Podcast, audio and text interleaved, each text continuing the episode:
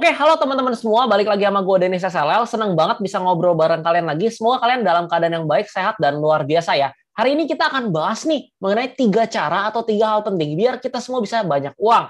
Nah, sebelumnya selamat datang di Kultum atau Kuliah 7 Menit. Gue akan usahain setiap hari Senin sampai Jumat. Selalu akan ada kelas seperti ini. Dengan tujuan gue bisa berbagi apa yang gue pelajarin kepada kalian secara gratis dan konsisten setiap harinya. Jadi jangan lupa subscribe dan nyalain notifnya supaya kalian nggak ketinggalan kultum-kultum berikutnya. Nah, topik hari ini, tiga cara agar banyak uang nih teman-teman. Dan kita akan bagi ke tiga poin yang akan kita jelaskan secara rinci. Yang pertama adalah mengenai cari uang. Lalu poin yang kedua yaitu kelola uang. Dan poin yang ketiga adalah lipat gandakan uang.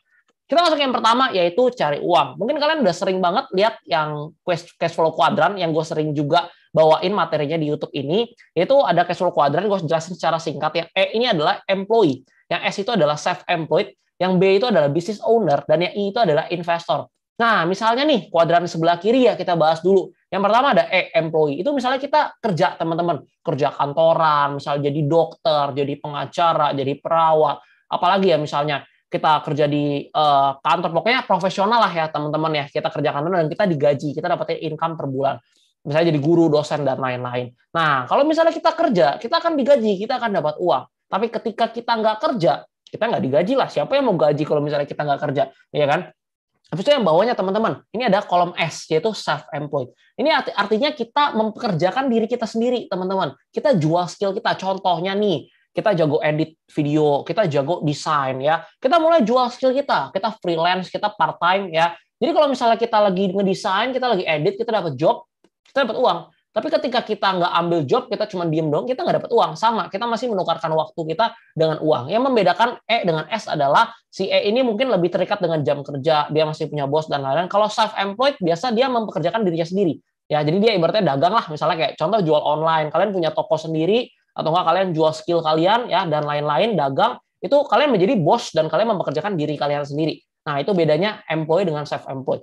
Lalu kita masuk ke kuadran sebelah kanan, teman-teman ya di mana ini ada B business owner. Ini adalah ketika misalnya seseorang mempunyai bisnis yang membedakan B dengan S adalah si business owner ini, entrepreneur ini memiliki ekosistem dan infrastruktur dalam bisnis. Jadi bisa aja tinggalin usahanya, misalnya dia lagi traveling ke luar negeri tiga bulan, bisnisnya akan tetap berjalan. Berbeda dengan self-employed. Kalau kita lagi jalan-jalan, traveling, kita nggak mau kerja, ya dagangan kita nggak bisa jalan karena kita nggak punya ekosistem seperti si business owner ini. Nah, jadi membedakan di kuadran sebelah kanan adalah uang atau sistem udah bisa mulai bekerja untuk kita tanpa kita harus menukarkan waktu kita dengan uang lagi. Habis itu yang paling bawah investor ya, kalian tahu lah ya, investor saham misalnya Warren Buffett ya. Jadi ini udah ngomongin passive income nih, bener-bener passive income nggak ngapa-ngapain tapi uangnya masuk terus. Nah, ini yang poin nomor pertama cari uang ini adalah yang paling penting nih teman-teman. Dan biasanya kita nggak bisa nih tiba-tiba langsung jadi investor kecuali privilege ya. Kita dapat warisan atau uang dari orang tua kita misalnya 50 miliar 100 miliar mungkin kita bisa langsung jadi investor. Tapi kalau kita mulai dengan uh, nggak punya apa-apa gitu ya pasti kita akan cari uang dari sini dulu nih. Kalau nggak employee kita self employed ya nanti baru pelan-pelan merambat ke business owner ya baru kita bisa full nanti hidup melalui passive income dari kuadran investor ini.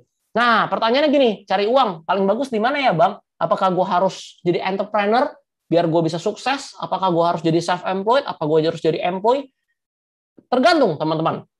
Dari ketiga ini, nggak ada yang paling bagus dan nggak ada yang paling jelek. Karena nggak semua orang dilahirkan untuk jadi entrepreneur. Dan nggak semua orang dilahirkan juga untuk karyawan. Ada yang jadi leader, ada yang jadi businessman, ada yang jadi entrepreneur, ada juga yang jadi profesional seperti dokter, pengacara, pilot, ya. Habis itu ada juga self-employed, misalnya content creator, ya, dan lain-lain. Nah, jadi teman-teman, ini pilihannya itu ada di tangan kalian. Tergantung resources apa yang kalian punya, skill kalian di mana, kira-kira kalian cocoknya di mana. Kalau ditanya, employee gajinya bisa gede nggak? Wah, bisa. Pilot gajinya puluhan sampai ratusan juta. Dokter ahli bedah juga puluhan sampai ratusan juta. Pengacara juga.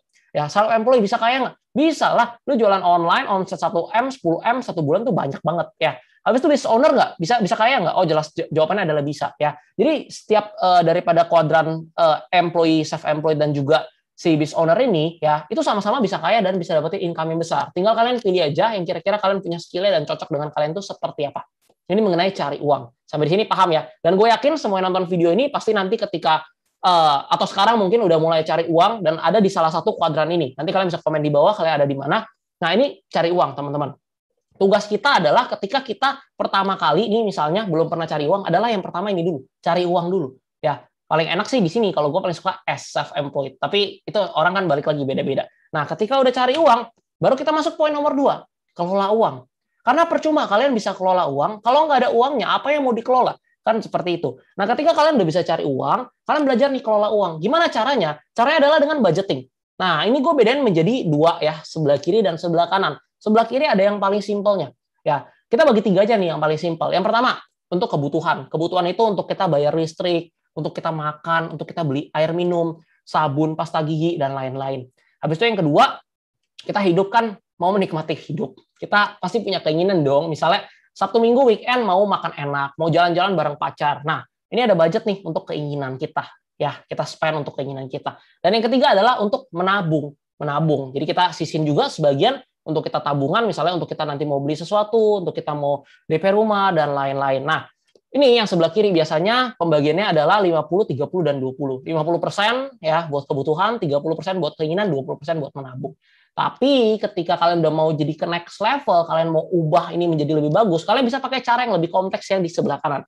Yaitu ada 6. Ini menurut gua, ini yang gua pakai nih. Jadi ada kebutuhan sama kayak tadi untuk bayar listrik, makan dan lain-lain, keinginan self reward untuk gua, menabung, ya. Keempat edukasi nih. Jadi gue pakai untuk belajar lagi. Karena kan belajar nggak ada garis finishnya. Gue pakai untuk ikut courses, gue baca buku, beli buku baru, ikut webinar, ikut seminar, belajar dan lain-lain.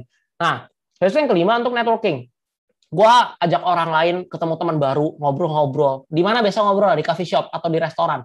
Mesti traktir makan. Nah itu untuk networking. Dan itu juga berguna sebenarnya. Jadi udah ada budget tuh untuk networking. Dan yang keenam jangan lupa sedekah. Karena kalau misalnya kita punya banyak uang ya kita tujuan kita mau jadi orang kaya kalau kita nggak bisa berbuat baik untuk apa jadi jangan lupa sedekah sejak dini walaupun belum banyak masih cuma bisa sedikit sedekahnya nggak apa-apa itu kalau gue Oke, nah habis kelola uang, kalau kita udah bisa kelola uang nih, tadi udah jago cari uang, udah bisa kelola uang.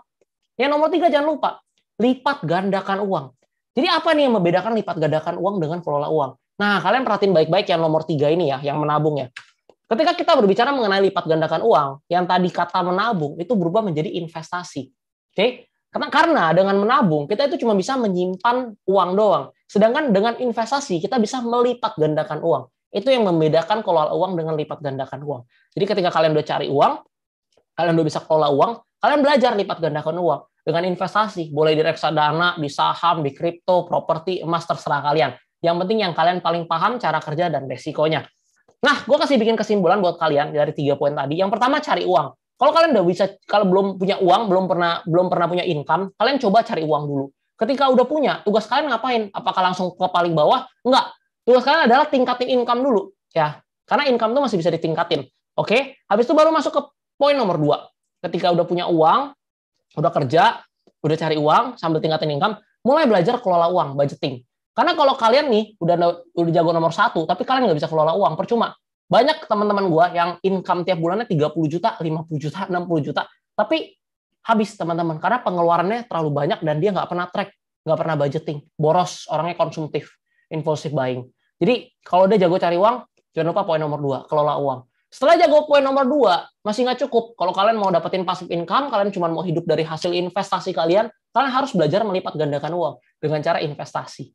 Oke, tiga-tiganya ini harus nggak bisa salah satu dan harus urutan ya. Kalian nggak bisa nih jago lipat gandakan uang, jago investasi dulu, tapi kalian income aja belum punya, cari uang aja belum bisa, kelola uangnya belum bisa, nggak bisa teman-teman. Jadi harus dari yang nomor satu paling atas dulu ya. Mulai cari uang, tingkatin income, kelola uang, budgeting, dan lipat gandakan uang, investasi. Oke, sampai di sini paham ya? Jadi thank you banget teman-teman yang udah nonton dan jangan lupa kalau kalian mau cuan ya, kalian bisa pakai kode ini untuk mulai investasi. Ini adalah aplikasi-aplikasi yang gue pakai ya. Kalian bisa cek juga di deskripsi, udah gue taruh dan semoga bisa bermanfaat. Kalian bisa dapetin cuan dengan pakai kode ini dan gue juga dapetin cuan. Kita sama-sama cuan. Oke, kultum Senin sampai Jumat semoga bisa bermanfaat untuk kalian semua. Support gue dengan cara like, comment, dan share ke teman kalian. Tag gue di IG story kalian. Jangan lupa subscribe dan nyalain loncengnya agar nggak ketinggalan kelas-kelas berikutnya. Kalau mau request kelas apa pun di Kultum ini, bahas apa pun, komen di bawah. Nanti gue bakal bikinin untuk kalian semua. Dan harapan gue apa yang gue buat di channel YouTube ini bisa membantu kalian untuk belajar tentunya secara gratis. Oke, sukses untuk teman-teman semua dan sampai jumpa di Kultum berikutnya. Bye! Thank you udah dengerin episode kali ini. Kalau kalian suka, follow Instagram kita di @podcast.dimentorin. Kalau ada kritik dan saran juga, feel free buat DM kita di IG yang tadi podcast.dimentorin. Kalau pengen lihat versi videonya lengkap dengan PowerPoint, langsung cek channel YouTube-nya Dennis SLL. Thank you.